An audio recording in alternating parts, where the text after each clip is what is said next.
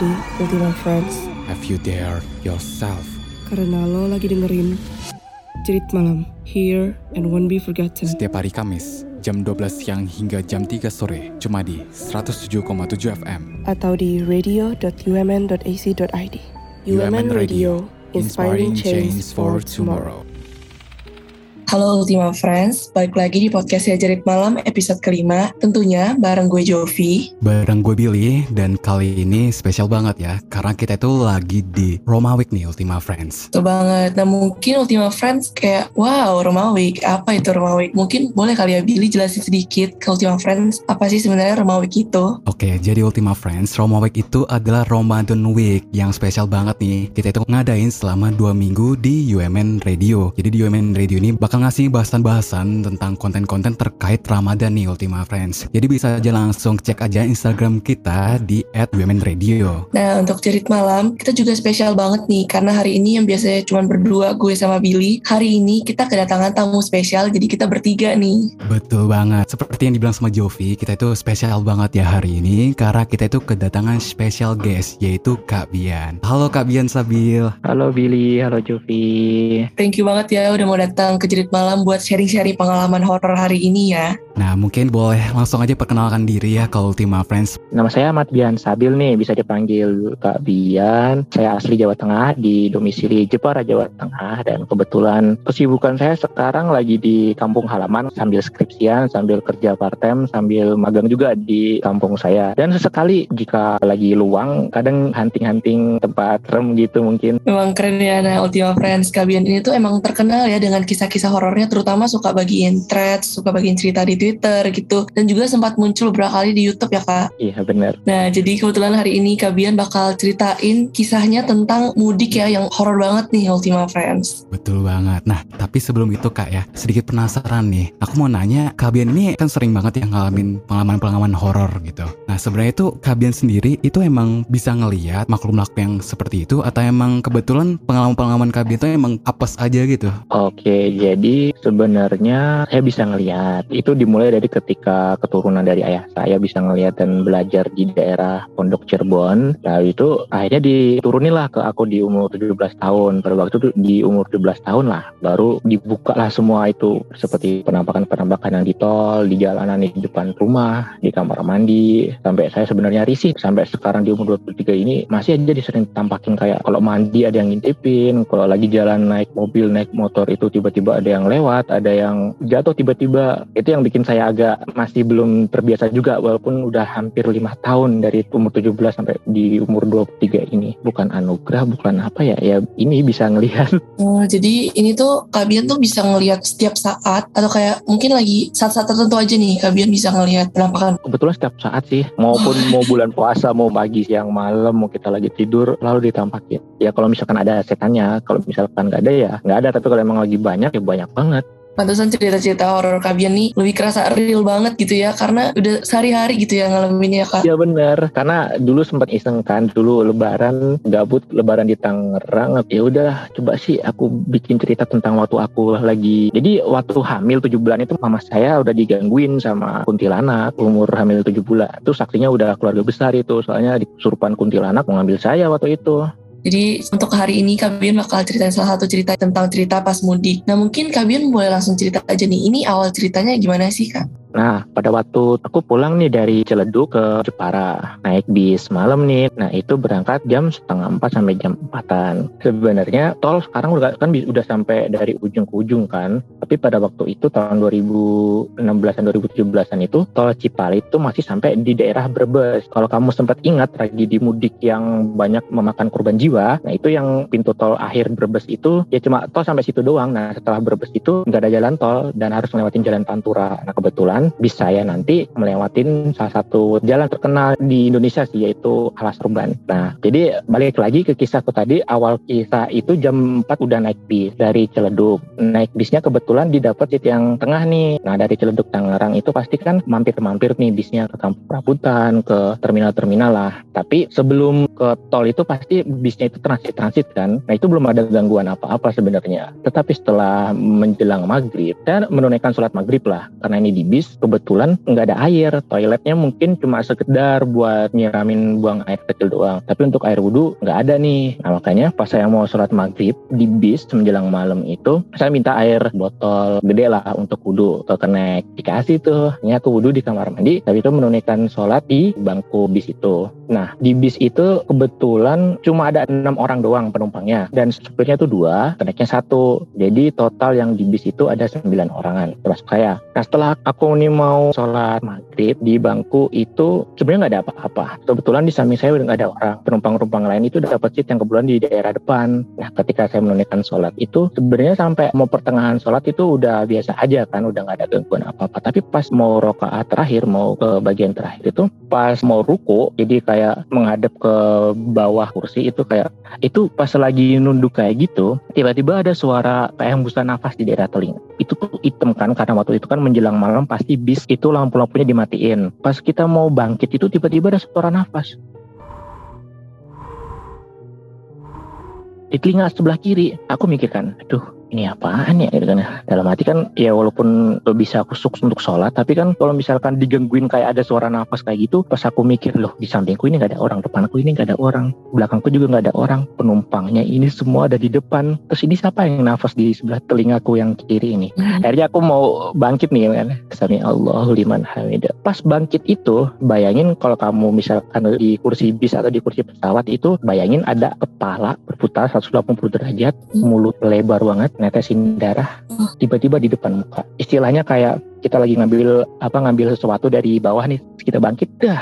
Itu saya langsung astagfirullahaladzim. Itu saya langsung efek teriak gitu kan astagfirullahaladzim. Berarti itu emang langsung di depan persisnya kakak gitu? Iya di depan kursi itu. Lo bayangin kita lagi fokus untuk beribadah untuk sholat itu tiba-tiba pas kita bangkit dah. Tiba-tiba ada kepala gitu senyumnya meringis, matanya merah banget dan ngeluarin darah gitu seger. Saya efek teriak dong. Dan itu bis kebetulan berhenti berhenti gara-gara teriakan saya. Posisinya, Posisinya lagi jalan gitu ya kak? Lagi jalan. Gimana ya? Kalau refleks kan ya pasti teriak lah, kaget lah. Tanyain lah sama si keneknya. Ada apa mas? Ada apa gitu kan? Enggak pak gitu kan. Ya aku ngalihin pembicaraan aja. Ini pak habis nonton film horor gitu kan. Jadi sempat refleks kaget gitu kan. Ini aku disalah-salahin uh gara-gara teriakan lu doang nih. Jadi bis ini berhenti di tengah tol lagi gitu kan. Terus satu izin mau izin bapak ini saya pindah di depan boleh nggak? Karena ini kan bisnya lagi kosong juga kan. Ya udah sana di depan gitu. Hanya aku pindah depan di belakang sopir. Setelah itu sampai di daerah Brebes keluar tol ini belum ada apa-apa kejadian sebenarnya. Dan saya nggak ekspektasi juga kan nggak pengen juga ada kejadian yang seperti ini tapi kebetulan di Alas Ruban itu terjadi dan semua bis baik kru kru bis dan penumpang itu ngalamin dan sekarang masih pada hidup. Jadi ceritanya pas kita mau masuk ke Alas Ruban nih, masuk di daerah Batang, Jawa Tengah, itu ada tiga jalur. Yang pertama jalur utara, jalur tengah, sama jalur selatan. Betulan bis yang aku tumpangin itu lewat jalur tengah. Dan nggak ada beda sebenarnya jalur utara, jalur tengah, dan jalur selatan untuk dalam hal kengeriannya, dalam hal yang kata orang banyak sekali penampakan-penampakan, itu nggak ada bedanya sebenarnya jalur utara dan jalur tengah maupun jalur selatan. Dan kebetulan jalur yang agak curam itu yang kita lewatin. Masuk nih kita ke jalur tengah nih, memasuki Alas Roban. Kalau kalian mungkin searching-searching di Alas Roban itu seperti apa, kalian mungkin tahu lah Alas Roban itu pasti samping-samping jalannya itu pohon-pohon besar dan kadang ada monyet berkeliaran. Itu masih ada kayak gitu Alas Roban. Dan kebetulan kita lewat pada saat itu malam. Dan jalur tengah itu terkenalnya itu banyak sekali persinggahan-persinggahan warung lah, warung-warung kecil yang bisa buat untuk istirahat di tengah-tengah alas roban situ. Pas bis ini masuk ke alas roban yang jalur tengah ini, sebenarnya saya udah bangun sih dari jam 10 sampai jam 11 pas keluar dari tol. Hanya saja pas masuk alas roban ini hawanya udah gak enak. Yang biasanya bis itu AC-nya dingin banget jadi aku ngerasa kayak kok sumpek banget ya gitu kan gara-gara mau masuk alas roban ini. Bis pelan-pelan masuk alas roban. Keliling-keliling udah gak ada apa-apa cuma ada pohon terus ada warung-warung itu pun jaraknya agak berjauhan. Ada warung-warung kecil yang ada yang masih buka, ada yang jualan es kelapa ya warung yang jualan es kelapa ada mie dan sebagainya. Ada juga nanti diselingin sama pohon-pohon besar. Dan kendaraan itu jarang lewat di situ karena kebanyakan pada lewat jalur utara maupun jalur selatan yang lebih melandai kejadian ini sekitar jam 12-an sampai jam 1 malam. Jadi pas hmm. bis ini mau nanjak nih, yang pas ada tanjakan ini, bis kayak ada gangguan untuk melewatin curaman ini, kayak ketahan sesuatu gitu loh. Jadi kayak mau naik itu susah banget. Jadi kayak mesinnya kenceng banget terus ngeluarin penalpotnya banyak banget tiba-tiba di sebelah kiri aku ngeliat ada anak kecil lima. Posisinya duduknya di sebelah mana? Di belakang supir. Oh jadi kelihatan agak ya, nyebrang gitu ya agak nyebrang gitu. Bis bisa lah ngelewatin untuk curaman inilah. Karena mungkin kan curamannya nggak sampai yang sampai curam banget itu kan enggak tentunya bis kan sampai ngeden gitu kayak ketahan gitu kan dan ya. Otomatis aku ngeliat kan refleks kan. Ini ada yang ganggu nggak sih kayak kita gitu kan? Pas aku hmm. ngeliat seberang seberangan di sebelah kiri ada anak kecil lima. Ngeliatin kita di bis. Bisnya itu najaknya pelan-pelan yang paling mengerikannya itu bocah lima ini itu anggota tubuhnya pada nggak lengkap semua. Oh. Ada yang satu matanya nggak ada, ada yang nggak ada tangannya, ada yang pinggangnya bolong, ada yang lehernya agak kepotong. Itu aku langsung refleks ke depan, Pak, Pak Supir langsung, Pak, Pak, Pak, bilang istighfar, Pak. Bilang baca doa gitu. Istighfar, Pak. Istighfar, baca doa, Pak. Ini katanya orang yang ganggu. Terus si supir ngeyel gitu kan. Alah, ini cuma masalah kerusakan bis doang kok. Ngapain sih kita pecah-pecah kayak gitu? Nah si bocah itu masih ngeliatin kan. Aku ngeliat pak percaya sama aku gitu. Mm-hmm. dengan bapak baca doa habis itu coba ubah gigi atau apa pun itulah pokoknya. Habis baca doa coba dicoba lagi bisnya Kak Bian udah firasat kalau kesalahan teknis itu nggak normal gitu ya kak? Iya benar. Makanya ketika ada kesalahan teknis itu, akhirnya kena ngomong kayak gini, ya udahlah ikutin wae gitu kan, ikutin aja apa yang bocah ini ngomong gitu kan. Akhirnya baca doa si sopir, tak baca doa, si bocah ini perlahan masuk ke alas ruban, putar balik dia langsung masuk. Nah alhamdulillahnya itu bis tiba-tiba langsung jalan normal kembali.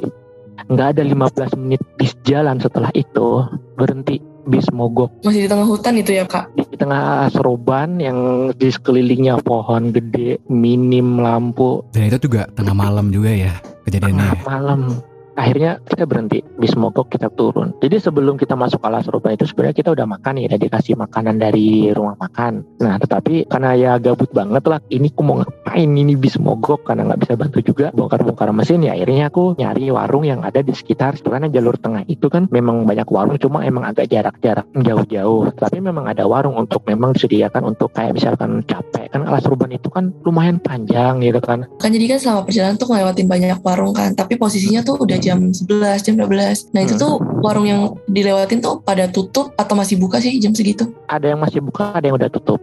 Alas Roban dari dulu terkenal emang warung sampai 24 jam. Dan walaupun emang ada yang tutup akhirnya aku nyari warung. Terus tiba-tiba ada bisa kita sebut Pak Wawan lah. Pak Wawan ini tiba-tiba mau ikut aja. Eh mau ke mana? gitu kan. Yang kayak gitu. Mau ini Pak mau nyari makan? gitu kan. Lapar Pak. Bosan juga. Mana HP lobet ya udah nyari makan. Ya udah aku ikut. Aku juga mau ngopi nih. Asem mau sebat. Akhirnya nyari nih warung nih nah di jarak 20 meteran dari bis itu kita ngelihat ada warung tapi agak menjorok ke dalam Alas Roban ayo ke sana aja gitu kan. ayo udahlah aku mau ngopi ki bosen gitu. Aku mau ngopi bosen banget nungguin bis doang. Hmm. jadi jarak dari jalan ke warung itu 50 meteran lah agak menjorok kayak gitu. Tapi hmm. di sekeliling gue emang gak ada yang buka baru itu doang yang buka. Pawawan ini tuh berarti kayak baru kenal gitu ya dari bis gitu hmm. atau? Iya baru kenal. Penumpang hmm, baru penumpang sama-sama penumpang lah jurusannya sama. Ya udah kita berdua ke warung. Ke warung di tengah-tengah alas ruban itu. Permisi kulo nuwun gitu kan misi bu ibu ada makanan bapak bapak ada makanan karena pas kita masuk warung ini kebetulan kalau kalian pernah lihat di warteg-warteg kan itu kan ada etalase banyak kan. Nah di warung itu kebetulan etalasenya banyak banget dan kosong. Ini warung gak ada makanan ini buka apa enggak? Tapi tulisannya buka di depan. Si Pak Wawan ini kayak notis gitu kan. Ada suara nyuci piring, ada yang suara motong-motongin. Nah, si Pak Wawan ngomong, eh mas itu loh di belakang kelihatannya ada orang. Ya udah Pak Wawan duduk di situ. Saya masuk nih ke arah dapur di warung itu. Ketika hmm. masuk warung itu sendiri bisa jelasin gak kayak suasananya? Atau emang dari awal kayak biasa-biasa kayak warung biasa aja. iya makanya aku nggak terlalu curiga. Kalau misalkan aku udah curiga dari awal aku nggak mungkin masuk aja masuk nih ke dapur. Dan di belakang itu ada dua orang. Ada ibu-ibu satu sama mungkin entah anaknya atau bapaknya gitu. Tapi ngebelakangin saya gitu loh. Jadi aku ngadep ke ibu itu tapi ibu itu ngebelakangin aku. Jadi lagi lagi entah lagi motong entah lagi nyuci piring. Yang entah ini mas atau bapaknya ini juga lagi nyiapin kayak bumbu-bumbunya gitu. Lagi emang lagi mau persiapan masak. Ya udah aku kan langsung refleks. Ibu aku mau mesen nasi rames nih bu. Aku tungguin ya bu si Pawan bilang aku mau kopi aja mau kopi hitam pahit gitu kan. Si Pawan ini tuh ikut ke dapur. Lagi duduk di ini duduk di warung. Jadi aku yang ikut ke dapur. Oh. jadi aku doang ke dapur. Pawan mah nunggu doang. Ya karena nggak enak kan aku yang paling muda ya udah aku yang ke dapur kan inisiatif nah si ibu-ibu ini diajak ngomong masih sibuk sama urusan dia sendiri. Lagi riuh gitu tangannya. Lagi cuci piring lagi nyiapin bumbunya terus yang mas-mas ini juga lagi sibuk. Tetapi yang anehnya itu ibu-ibu sama mas-masnya ini nggak ngelihat ke bawah. Orang yang biasanya masak itu kan pasti kan ngeliat ke bawah kan. Maksudnya kayak ngelihat ke makannya apa yang dia cuci apa yang dia buka apa yang dia bikin. Nah mas-mas sama ibu-ibunya ini ngelihat ke depan. Yeah. aku mikir dalam hati ini orang ngadep ke mana gitu? Tembok gitu kan lurus ke depan pas aku ngomong kayak gitu dalam hati tiba-tiba mereka pada diem berhenti aktivitasnya ini ibu sama masnya kerasa nih gitu kan jadi mas-masnya ini tuh pakai sarung, pakai kemeja biasa, dan ibu-ibunya ini pakai daster, rambutnya agak panjang dan agak dikuncir satu doang gitu. Mungkin dia kenotis atau apa, tiba-tiba dia ambil ini rambut, terus dia main-mainin ini rambut. Posisinya masih ngadep dinding. Masih ngadep dinding. Hmm, mas mau makan ya? mas mau makan gitu kalau mau makan ini saya bikinin sambil mainin rambut oh ya bu nggak apa-apa bu saya uh, dibikinin ya nggak apa-apa bu gitu kan langsung ngomong kayak gitu kan aku nyeplos kayak gitu kan pas dia balik badan sambil mainin rambut mukanya hancur Oke. Okay. Terus hidungnya nggak ada, tapi mulutnya itu sampai ke telinga. Jadi kayak ada taring-taringnya semua. Oh. Jadi lebar gitu ya mulutnya? Sobek? Ya, lebar. Sobek atau? Emang lebar kayak gitu. Kalau robek kan mungkin mesti kan kayak ada gituan daging kan. Ini kayak sampai yeah. sini itu telinga. Dan oh. dia tetap masih mainin rambut. Senyum ke aku. Sini mas, kayak bikinin makanan. Masnya pasti lapar. Aduh, aduh. aja langsung otomatis okay. nge-freeze kan? Kaget mm -hmm. nge-freeze nggak bisa ngapa-ngapain. Tiba-tiba yang mas-mas sampingnya itu dia juga balik badan. Yang aku tahu dia tadi pakai sarung sama kaos biasa. Pas dia balik badan itu tiba-tiba dia berubah. Badannya jadi tinggian agak dua setengah sampai tiga meteran. Tinggi oh. banget. Kakinya tiba-tiba banyak bulunya dan ngeliatin ke saya pakai mata merah itu berarti itu, warungnya tinggi ya kak? Tinggi banget. Dalam keadaan nge-freeze kayak gitu kan ibu-ibu mukanya hancur. Yang satu anaknya atau bapaknya ini mirip kayak gendruwo gede banget. Nge-freeze kan hmm. tiba-tiba mendekat ke aku mau, mau ke arah aku. Eh dan Pak Wawan masih belum ke notice dan itu aku masih di pintu arah dapur. Pas dia mau mendekat si ibu-ibu ini masih ngomong ketawa kayak gitu. Tengah malam lapar ya mas terus yang yang si cowok si mas-mas ini yang yang kayak genderuwo itu dia bilang oh oh gitu. Dan pada saat itu langsung kebetulan langsung nge nya hilang gitu langsung saya langsung ke notis langsung ke arah depan warung tapi masih di dalam warung. Saya bilang ke bawah pak pak pak pak, balik pak. Yuk kan balik balik pak. Ini warung gak jelas pak. Ini warung gak ada yang masak pak. Ini warung banyak setannya pak di belakang pak gitu kan. Apaan sih gitu kan kawan ngomong kayak gitu kan. Hmm. nah akhirnya pas ibu-ibu itu udah sampai di depan etalase jadi pas ke notis itu ada kayak ada gorden kan. Jadi pawan itu katanya ngelihat kakinya itu nggak ada. Jadi kayak melayang kayak gitu. Terus dia ngeliat ibu-ibunya itu masih mainin rambut. Hmm. Masih nyengir langsung refleks jadi warung itu tuh di depannya tuh kayak ada kaca kayak warteg-warteg itulah dan ada dua iya. pintu nah pas kita mau balik itu pintunya ketutup cedek cedek Oke. Okay. Pak Wan yang buka sebelah kiri, aku buka yang sebelah kanan. Didobrak, ditendang nggak bisa-bisa. Dan ibu-ibu itu tetap mau ngambilin kita. Nah, pas udah mau mepet, si Pak Wawan ini refleks. Pak Wawan ini refleks mecahin kaca yang di tengah di antara dua pintu itu pakai kaki. Kali nggak bisa dua kali nggak bisa. Pas dia ngelihat di etalase deket situ ada asbak pecahin lah itu pakai asbak. Ter, pas udah agak lebaran baru kita keluar. Nah pas aku ngelihat Pak Wawan kakinya berdarah. Aku bantu ayo Pak ayo Pak. Ayo Pak kita ke pisu ayo Pak kita gak usah mikirin makanan dulu dah gitu kan. Gak usah mikirin kopi pahit dulu. Akhirnya kita jalan pelan-pelan kan. Ibu-ibu itu masih ngeliatin di tengah-tengah pecahan kaca itu. Loh katanya mau makan jadi kan jarak ke warung ke jalan itu kan agak jauh 50 meteran kan. Tapi rasanya jauh banget. Mm-hmm. Karena Pak Awan itu lagi sakit kan, kakinya berdarah-darah kayak gitu. Akhirnya kan kita bantu kan. Pas kita balik badan, ternyata anak yang tadi badannya gede banget. Yeah. Di depan warung. Keluar ya? Keluar dari warung? Keluar di depan warung. Ibu-ibu itu masih di warung. Otomatis ya kita refleks. Pasti lari. Ayo Pak, lari Pak. Ayo Pak, lari. Oh, yeah, yeah. Lari Pak. Ya saya bantu sambil pincang-pincang tuh lari pas kita lari jadi kan kita kayak di tengah hutan nih. Kita di tengah hutan jadi samping-samping itu masih ada pohon-pohon itu. Pas kita nengok belakang itu pas nengok sebelah kanan ada pocong melayang ternyata. Ngejar gitu. Ngejar juga. Ngejar pocong seperti okay. ada dua atau tiga gitu pocong melayang. Jadi kayak dari ranting ke ranting karena pohonnya gede-gede di rantingnya agak gede kan. Baca ada baca ayat kursi Pak. Wan masih pincang-pincang kayak Pak. Agak cepetan dikit Pak gitu kan. Lari lagi gitu. Sebelah kiri itu ada kuntilanak. Aduh banyak. Ada dua atau tiga. Sama. Jadi dari ranting ke ranting kayak sambil ngejar kita gitu. Loh aku mikir kalau misalkan ini tuh sebenarnya udah sampai gitu loh. Tapi ini jauh banget dari warung sampai jalanan itu. Nah bawahan udah ngos-ngosan ya kan? Apesnya itu si bisnya itu udah nggak mogok lagi dan pelan-pelan itu karena jalannya nanjak itu dia udah mulai jalan. Oh. udah mulai jalan. Ayo pak lari lagi pak ngejar bis pak gitu kan. Aku es pasrah aku es pasrah. Udah nggak apa-apa dimakan pocong ya udah, udah akhirnya aku langsung udah pak sini dulu di jalan ya. Ojo jangan sampai masuk ke alas itu ya ke ke hutan dan situ ya. Udah di jalan sini gitu kan. Akhirnya aku kejar tuh bis ya karena bisnya kan nanjak. Kalau bisnya nanjak itu agak pelan kan. Mm. jadi aku pasti agak kekejar gitu. Nah aku lemparin tuh lemparin batu lari kena bagian bis berhenti kan kenek terus dia bilang gini si keneknya dah itu percaya itu sama Pak Wawan gitu kan. Cari-cari kira naik bis lain gitu kan. Si keneknya kamu kayak gitu. Hanya bis itu berhenti.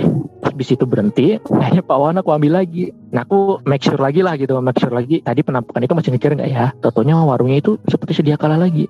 Warung-warung biasa buka masih ada lampunya kacanya kembali sedia kala. Yang awalnya kan tadi kan dipercayain sama Pak Wawan pakai ya? asbak. Itu enggak sambil jalan-jalan bopong pawawan akhirnya kita ke bis dimarahin diwawancarai dimarahin sama keneknya sutur gara-gara kamu gara-gara ini ngapain sih keluar-keluar gitu kan?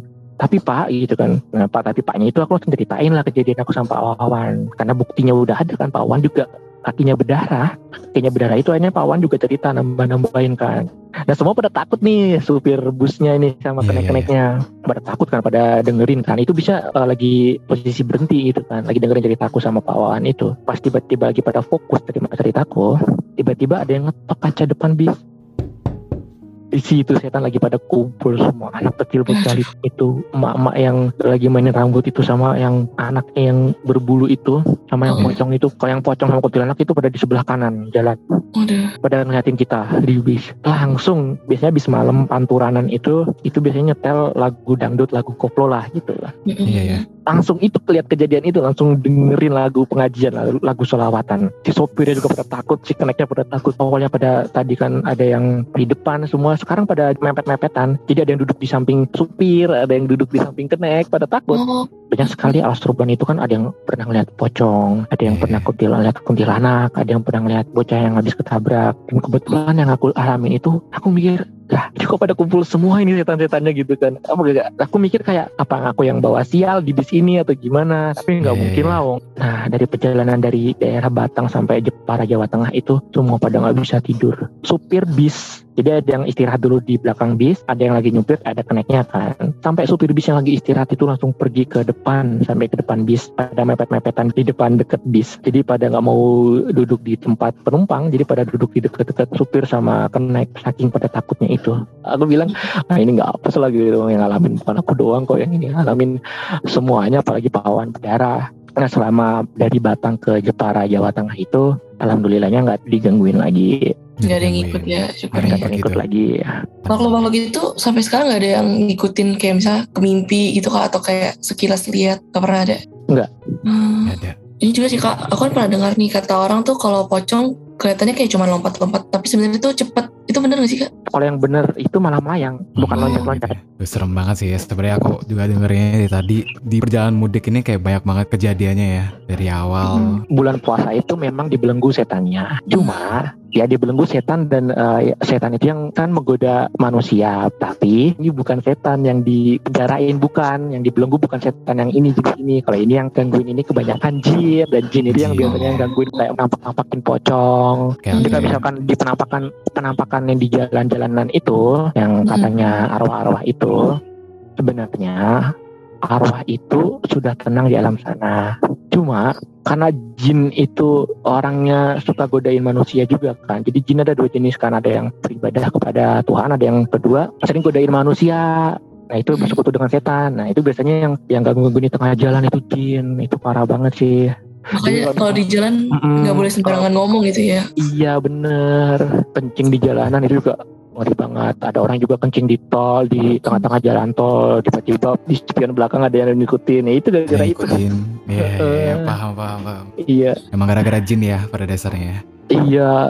Mungkin cerita yang hari ini wah benar-benar bikin merinding banget ya karena Kabian tuh ceritanya detail banget dan kayak masih ingat semua detailnya bentuknya kayak gimana, suasananya kayak gimana. Jadi kalau untuk aku, Billy dan Ultima Friends saya dengar juga kita ke bawah suasana ya Bill. Gimana Betul. ngerasa seremnya? Thank you juga nih buat Ultima Friends yang udah dengerin ya podcastnya Jerit Malam di episode yang spesial banget kita kedatangan guest star ya. Iya, thank you banyak juga buat Kabian karena udah cerita-cerita nih di Jerit Malam kayak Nah, mungkin Ultima Friends juga jangan lupa buat follow sosial medianya Kabian ya. Nah, mungkin Kabian boleh nih promosi dikit-dikit nih Twitternya. Oke, jadi kebetulan udah banyak kumpulan-kumpulan thread yang udah aku bikin dari kisah nyataku dan bisa di follow atau di stalking stalking di @bian underscore sabil satu b i a n underscore sabil satu. Kalau Instagram itu bian underscore sabil. Karena di Twitternya tuh banyak banget cerita-cerita horor yang seru dan langsung real ya dari kabiannya. Ya, ya itu. Betul banget, betul. Aku juga uh, iseng-iseng ya pernah lihat ya, Twitternya Kabian juga baca-baca gitu kan. Emang serem-serem tuh Ultima Friends. Jadi boleh aja langsung ya cek uh, Twitternya Kabian ya. Di situ banyak banget. Udah disediain threadsnya gitu yang bisa langsung dibaca. Nah, tapi Ultima Friends di sini gue sama Jovi pengen ingetin juga kita itu tidak ada niatan untuk menjatuhkan suatu individu, suatu kelompok atau kepercayaan di sini ya. Karena itu semuanya itu murni dengan tujuan untuk membaikkan kisah dan mana lagi suatu pelajaran yang bisa diambil darinya Ultima Friends. Benar banget. Jadi nantikan terus konten-konten menarik dan seru dan pastinya seram di Jerit Malam. Nah, dan kita juga mau ngucapin juga nih ya selamat bulan Ramadan ya Ultima Friends bagi yang merayakan nih. Mungkin sekian podcast hari ini. Bye Ultima Friends, see you on the next podcast. Oke, okay, bye Ultima Friends.